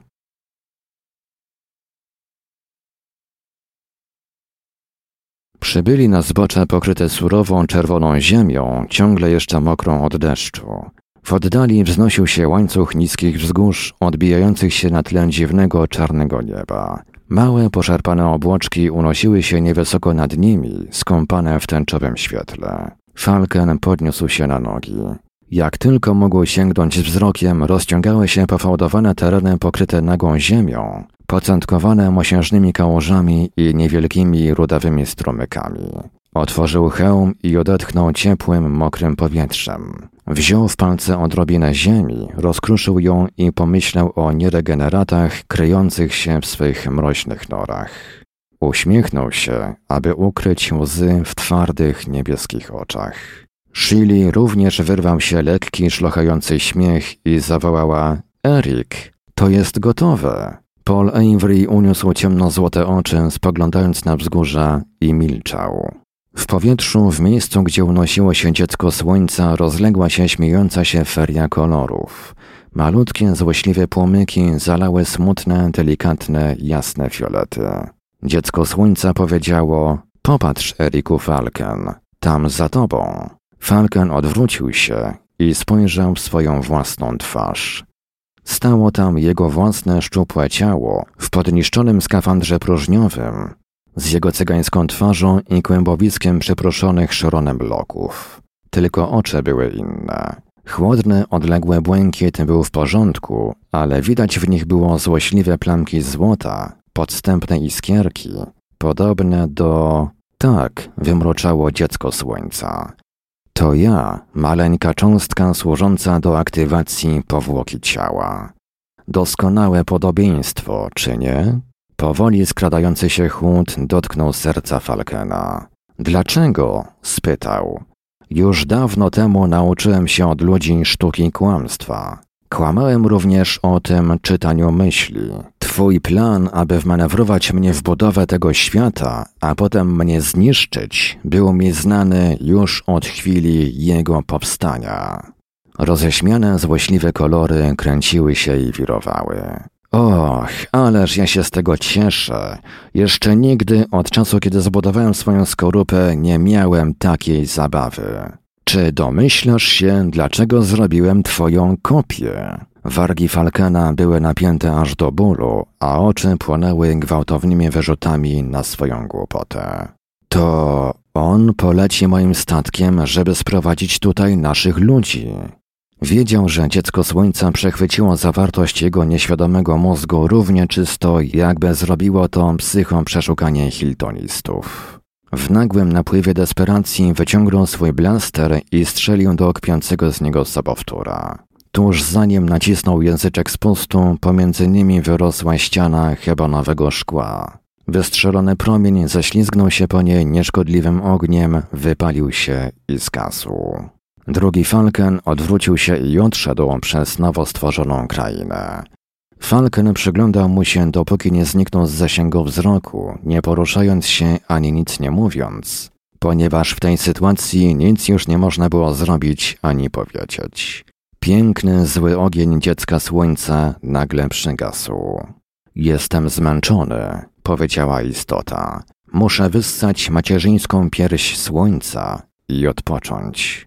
Dziecko słońca odleciało gdzieś daleko.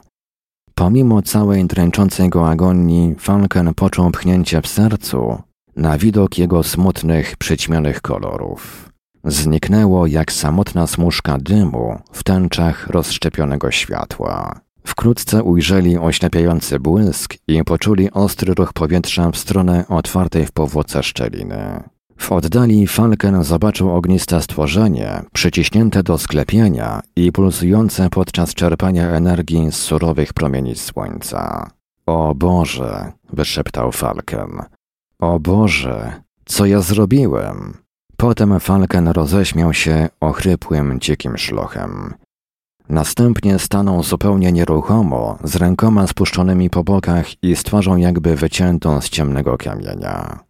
Erik, wyszeptała Sheila, proszę, nie potrafię być dzielna za ciebie przez cały czas.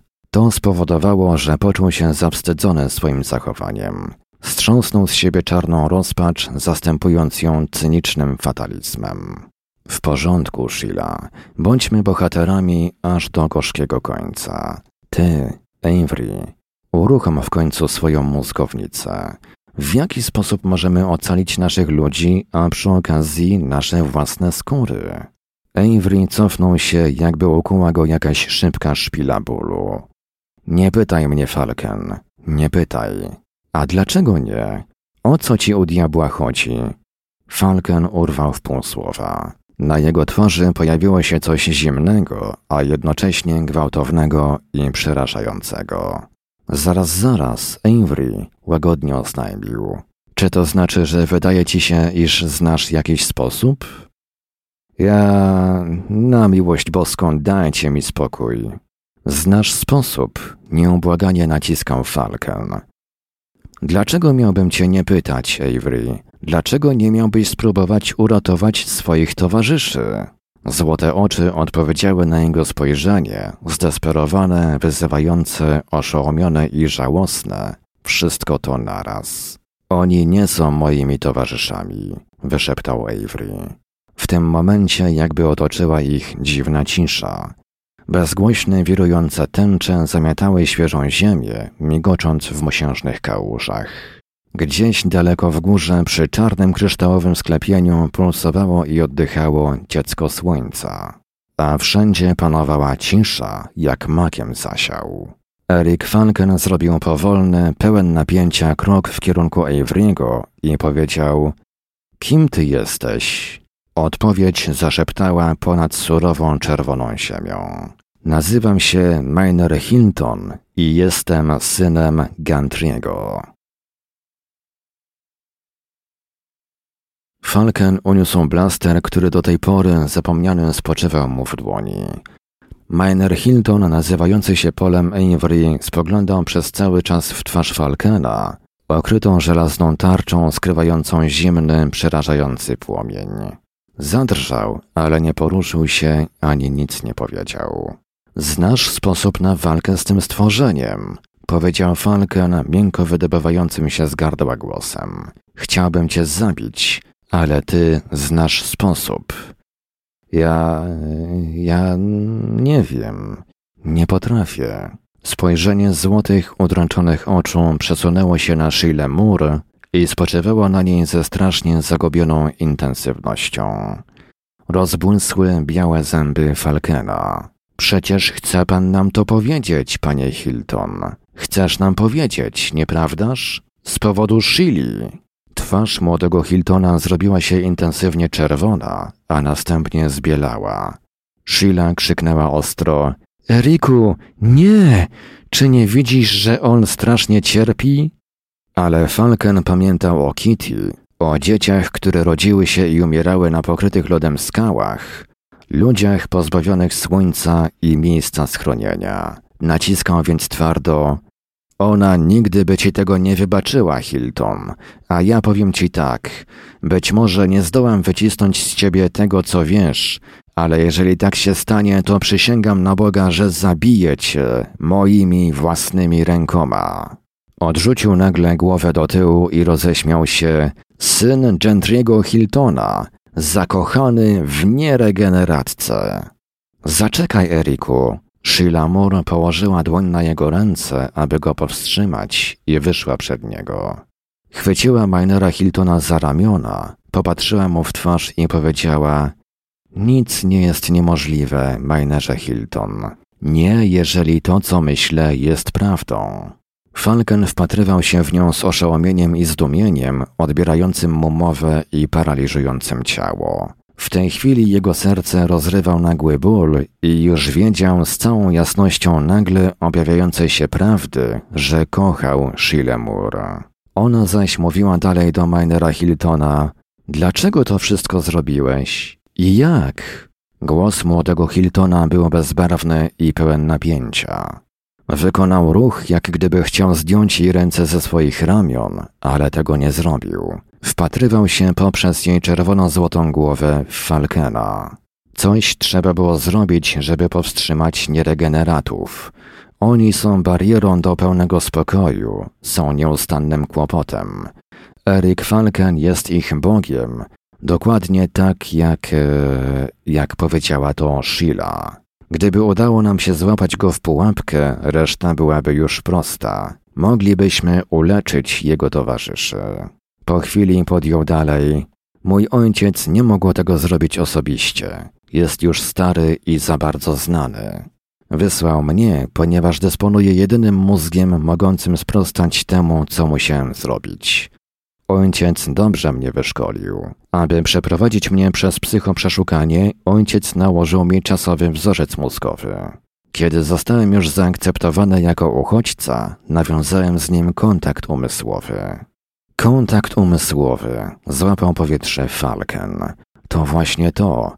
To dlatego byłeś zawsze taki zmęczony, kiedy nie mogłem zgubić pościgu. Pójdźmy dalej, przerwała mu Sheila z dziwną łagodnością. Hilton wpatrywał się w powietrze, nie widząc niczego. Niemal już cię miałem w Los Angeles, Falken, ale byłeś za szybki dla straży.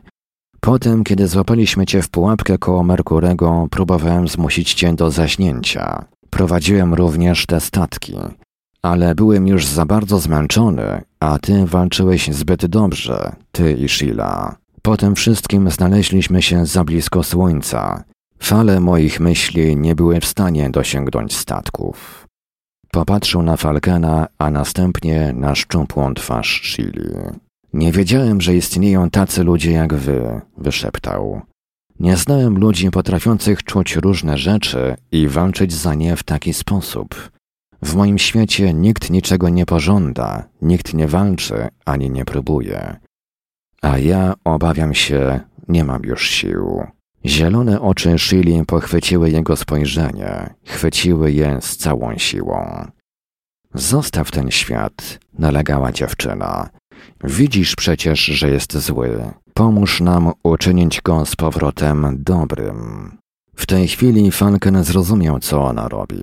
Przepełnił go podziw i radość, że tak naprawdę to Hilton jej nie obchodzi, a następnie wątpliwości, że być może jednak tak. Miner Hilton zamknął oczy. Jego ręce nagle mignęły, cofnął się o krok, trzymając w dłoni gotowy do strzału blaster. Nie mogę, wyszeptał. Wargi zrobiły mu się zupełnie białe. Mój ojciec mnie uczył. On mi ufa, a ja w niego wierzę. Muszę.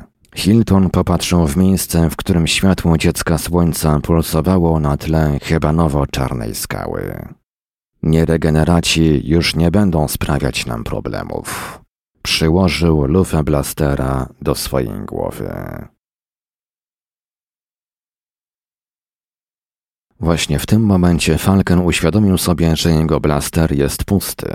Rzucił go na ziemię i skoczył na przeciwnika. Mocno uderzył w tułów Hiltona, powalił go na ziemię, chwytając rękę, w której tamten trzymał broń. Ale Hilton był duży i silny. Odtoczył się i uderzył lufą broni w skroń Falkena. Falken zwinął się w błocie, oszołomiony i zakrwawiony. Roześmiał się jednak i powiedział: Dlaczego mnie nie zabiłeś, Hilton? Hilton powiódł wzrokiem od nietracącej rezonu zawziętej twarzy Falkena do Shili. Blaster wyślizgnął mu się z palców. Zakrył twarz dłońmi i milczał, drżąc.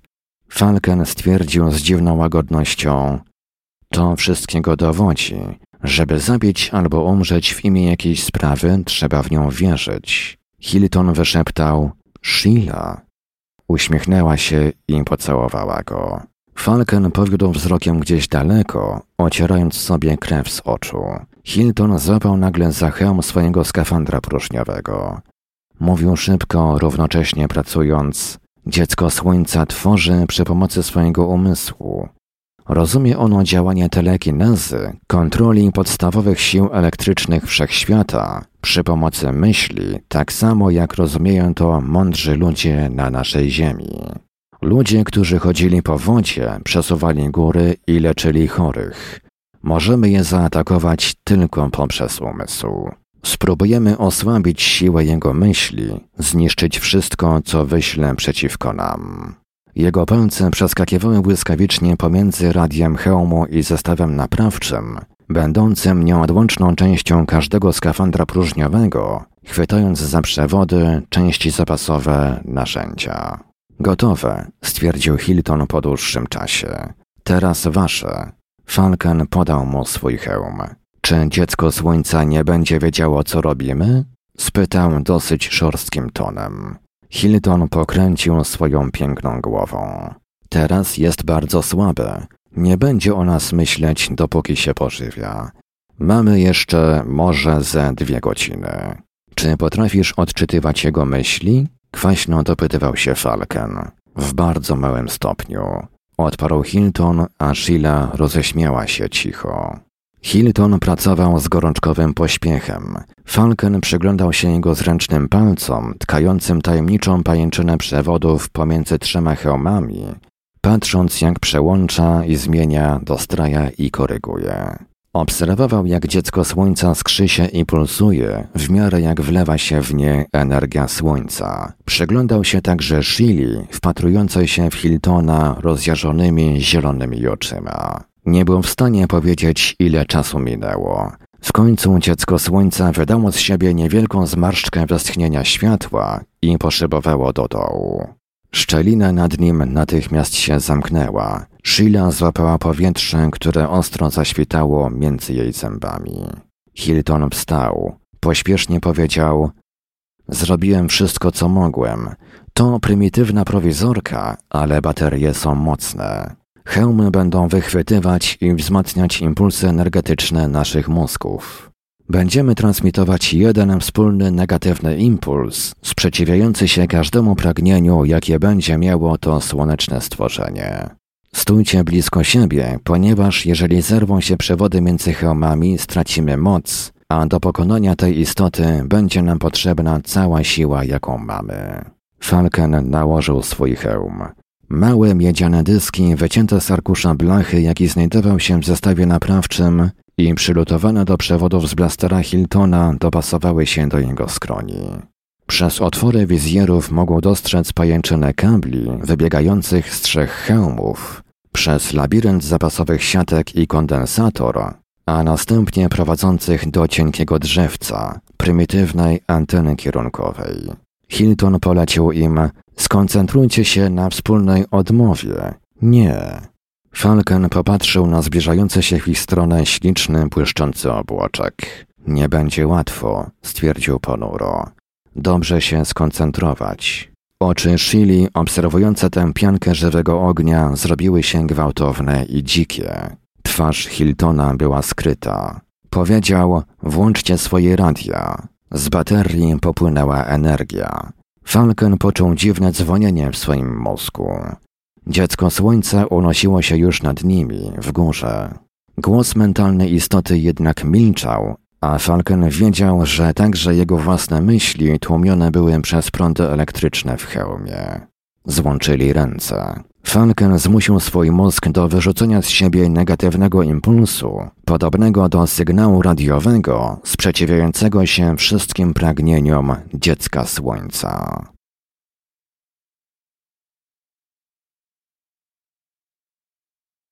Falken stał wraz z innymi na głąbczastym, uginającym się podłożu.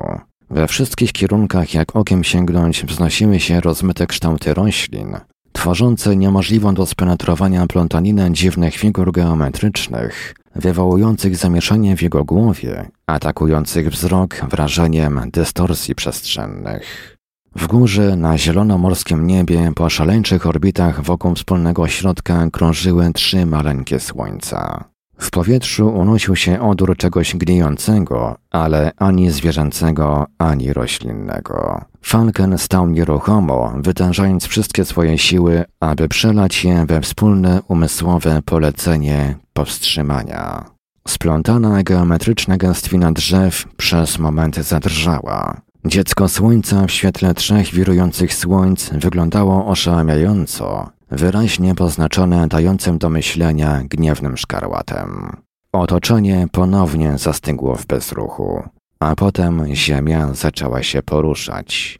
Całe podłoże pełzło małymi, głodnymi falkami wokół stóp Falkena. Piżmowy zgniły odór zrobił się ciężki i namacalnie oleisty.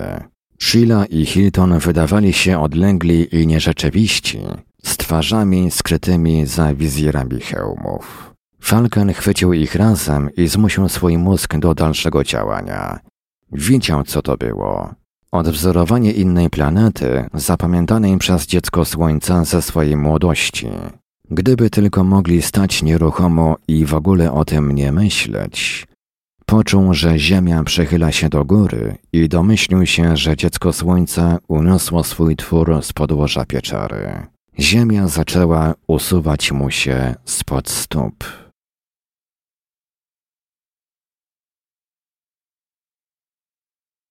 Przez jedną krótką chwilę zawrotu głowy Falken zobaczył prawdziwe dno jaskini, pozostające coraz dalej w dole, i dziecko słońca lecące w otoczeniu tęczowego światła. Było rozgniewane. Potrafił to powiedzieć na podstawie jego kolorów. Potem nagle gniew zalany został wirem złocistych plamek. Stworzenie się śmiało, dziecko słońca się śmiało. Falken walczył z ostrą rozpaczą w duszy. Dręczył go straszliwy lęk przestrzeni.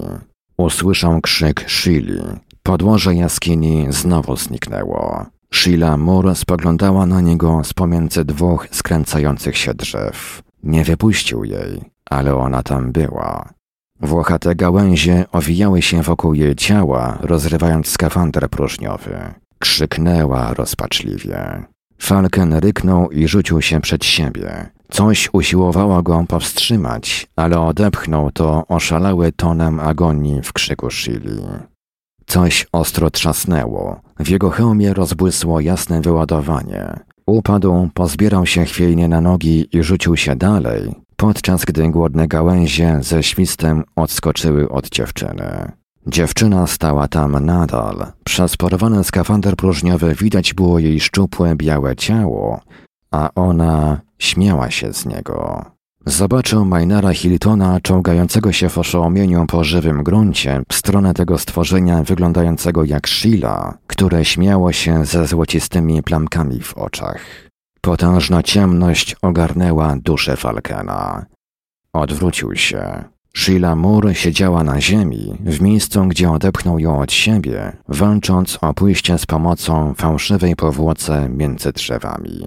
Podszedł do niej i podniósł ją. Spytał Minera Hiltona, czy możemy jakoś naprawić te porwane przewody? Hilton pokręcił przecząco głową. Wstrząs wywołany rozłączeniem zdawało się, że lekko go uspokoił. Nie, za dużo popalonych elementów. A więc zostaliśmy pokonani.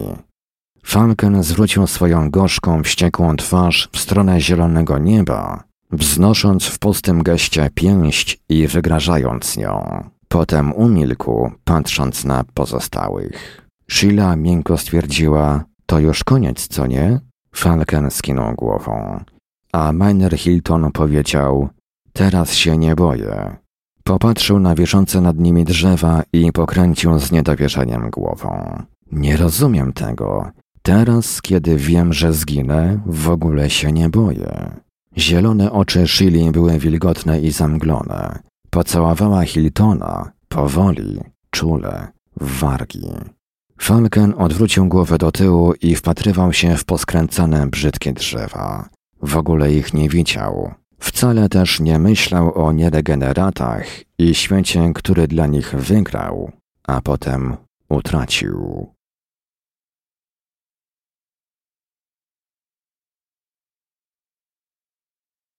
Ręka Shili dotknęła go delikatnie.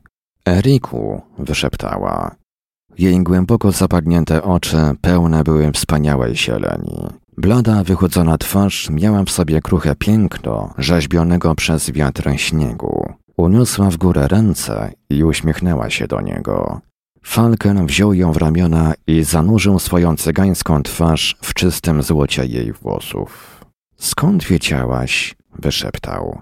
Skąd wiedziałaś, że cię kocham? Po prostu wiedziałam. A Hilton? On mnie nie kocha, Eriku. On kocha to, co ja reprezentuję. A poza tym mogę teraz to powiedzieć, ponieważ wkrótce zginiemy. Kochałam cię od chwili, kiedy po raz pierwszy cię ujrzałam.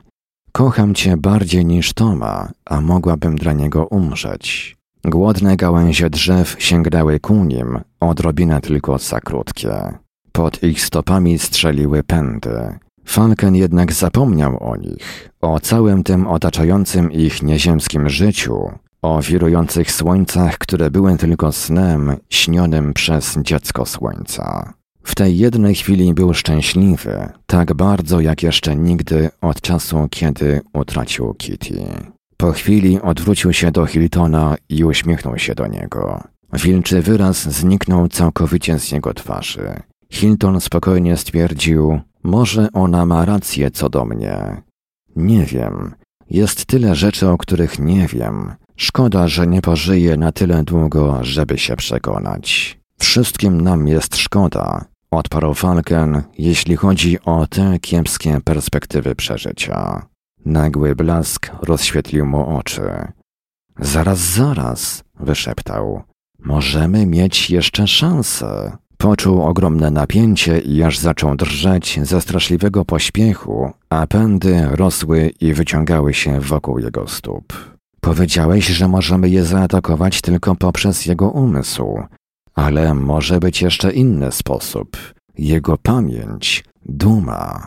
Uniósł swoją pokrytą bliznami cygańską twarz w stronę zielonego nieba i zawołał: Hej, ty, dziecko słońca, posłuchaj mnie, pokonałeś nas. No dalej, zabij nas, ale pamiętaj o jednym. Ty jesteś dzieckiem słońca, a my jesteśmy tylko słabymi ludźmi, małymi robakami pełzającymi po ziemi, zakutymi w kajdany słabości i strachu. Zadał finalny cios. Ale my jesteśmy więksi niż ty. Przez cały czas i na zawsze więksi niż ty. Skręcające się drzewa zamarły. Pędy spowolniły swój zachłanny rozrost. Lekko, bardzo lekko całe otoczenie zamigotało. Głos Falkena wzmógł się do donośnego krzyku. Byłeś dzieckiem słońca. Miałeś do zabawy całą galaktykę, całe olbrzymie przestworza kosmosu, którymi mogłeś igrać. A ty co zrobiłeś? Zamknąłeś się jak tchórz w tym czarnym grobowcu i zmarnowałeś swoją wielkość na kaprysy godne podłego dzieciaka. Obawiałeś się swojego przeznaczenia, byłeś za słaby dla swojej własnej siły. Podjęliśmy walkę z tobą, my, słabe ludzkie istoty, i nasza siła była na tyle duża, że by nas pokonać, musiałeś uciec się do pomocy żalbierczej sztuczki. Możesz czytać nasze myśli, dziecko słońca. Odczytaj je, zobacz, czy się ciebie boimy. I zobacz, czy mamy dla ciebie szacunek, dla ciebie, który chwalisz się swoim pochodzeniem. Marzysz o utraconej chwale, a ukrywasz się w tej ciemnej dziurze jak wystraszony szczur.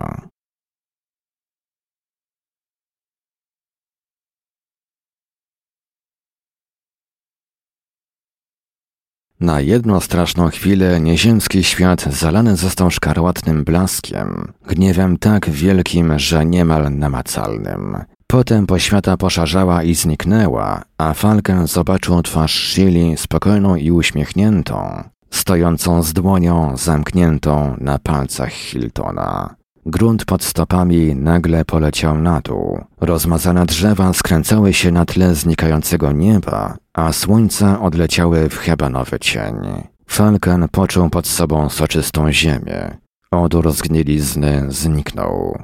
Popatrzył w górę. Nad ich głowami unosiło się dziecko słońca, wiszące pod skalistym pułapem. Wrócili do świata pieczary. Głos dziecka słońca przemówił mu w głowie, a jego ognie płonęły przydymionym, mrocznym szkarłatem. Co takiego powiedziałeś, człowieku? Spójrz w moje myśli i odczytaj to. Odrzuciłeś swoją wielkość. My mieliśmy niewiele w porównaniu do ciebie, ale zachowaliśmy to. Wygrałeś z nami, ale twoje wielkie zwycięstwo jest dla ciebie wstydem, ponieważ ty, dziecko samego słońca, poniżyłeś się do walki z małymi ludźmi. Przydymiony szkarłat rozpalił się i rozrastał w jaskrawy zły ogień, który był obrazem czystej furii. Falken poczuł w płomieniu śmierć, zbierającą siły, aby w niego uderzyć ale stawił jej czoła z gorzkimi, szyderczymi oczyma i nawet w takiej chwili poczuł zaskoczenie, że w ogóle się nie boi. Zaś rozwścieczony szkarłatny ogień przygasł i poszerzał, a następnie zmienił się w roztrzęsioną mgiełkę smutnych, pastelowych, jasnych fioletów. Masz rację, wyszeptało dziecko słońca, a ja jestem zawstydzony. Popioły wypalonego płomienia lekko się poruszyły. Wydaje mi się, że zacząłem już to rozumieć, kiedy tak dobrze ze mną walczyliście. Ty, Falken, który pozwoliłeś, żeby zdradziła cię twoja miłość, a potem pozbierałeś się i wygrażałeś na mnie pięścią. Mogłem cię zabić, ale nie mogłem cię złamać. Zmusiłeś mnie do przypomnienia sobie. Głęboko w jądrze dziecka słońca pojawił się błysk dawnego, dumnego szkarłatu. Jestem dzieckiem słońca i mam dla siebie całą galaktykę. Niemal o tym zapomniałem. Próbowałem zapomnieć, ponieważ wiedziałem, że to, co zrobiłem, było oznaką słabości, było haniebne i tchórzliwe. Ale ty nie pozwoliłeś mi na to, Falken. Zmusiłeś mnie, abym to zrozumiał i pojął. Po chwili przerwy istota mówiła dalej: Zmusiłeś mnie do tego, bym pamiętał. Pamiętał. Jestem bardzo stary. W otwartym kosmosie wkrótce umrę. Ale chciałbym jeszcze zobaczyć nieosłoniętą twarz słońca i igrać między gwiazdami. Głód rozdzierał mnie już od eonów, ale ja się bałem. Bałem się śmierci. Zakończyła, weźcie ten świat jako zapłatę za ból, który wam sprawiłem. Mój twór powróci tutaj w statku Falkena i zniknie w momencie lądowania. A teraz szkarłatny płomień zapłonął i skręcił się. Przebiły się przez niego kolumny radosnego złota. Dziecko słońca zadrżało, a jego małe i skrzące się płomienie stały się czystą wspaniałością narodzonych w sercu słońca opali. Wzleciało w przepełnionym tęczami powietrzu coraz wyżej i wyżej, pędząc w chmurze żyjącego światła w stronę czarnej, kryształowej pokrywy pieczary. Ponownie rozszedł się oślepiający rozbłysk, a później szybki, ostry powiew powietrza. Słabiutki głos w myślach Falkena powiedział: Dziękuję ci, człowieku. Dziękuję ci za obudzenie mnie z tego śmiertelnego snu. W powietrzu rozbłysnął ostatni dziki okrzyk kolorów. Następnie istota zniknęła, zmierzając w otwarty kosmos, w nagie płomienie słońca, a skalisty dach ponownie był jedną całością. Trójka milczących ludzi stała na nagiej, czerwonej ziemi nowego świata. Koniec.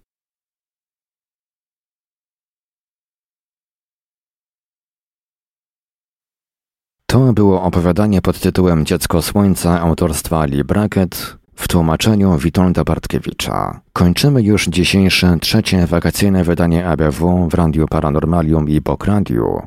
Ponownie usłyszymy się już za tydzień, tym razem w Radiu Paranormalium na żywo w bibliotekarium, a dyskusja będzie się toczyła wokół powieści Johna Boyda Ostatni statek z planety Ziemia. Zapraszamy do słuchania, a dziś już kończymy powolutku. Dziękujemy za uwagę, dobranoc i do usłyszenia.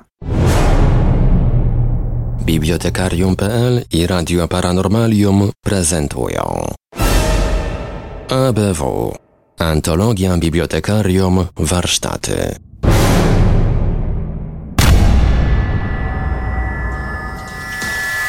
Produkcja i realizacja Radio Paranormalium. Www.paranormalium.pl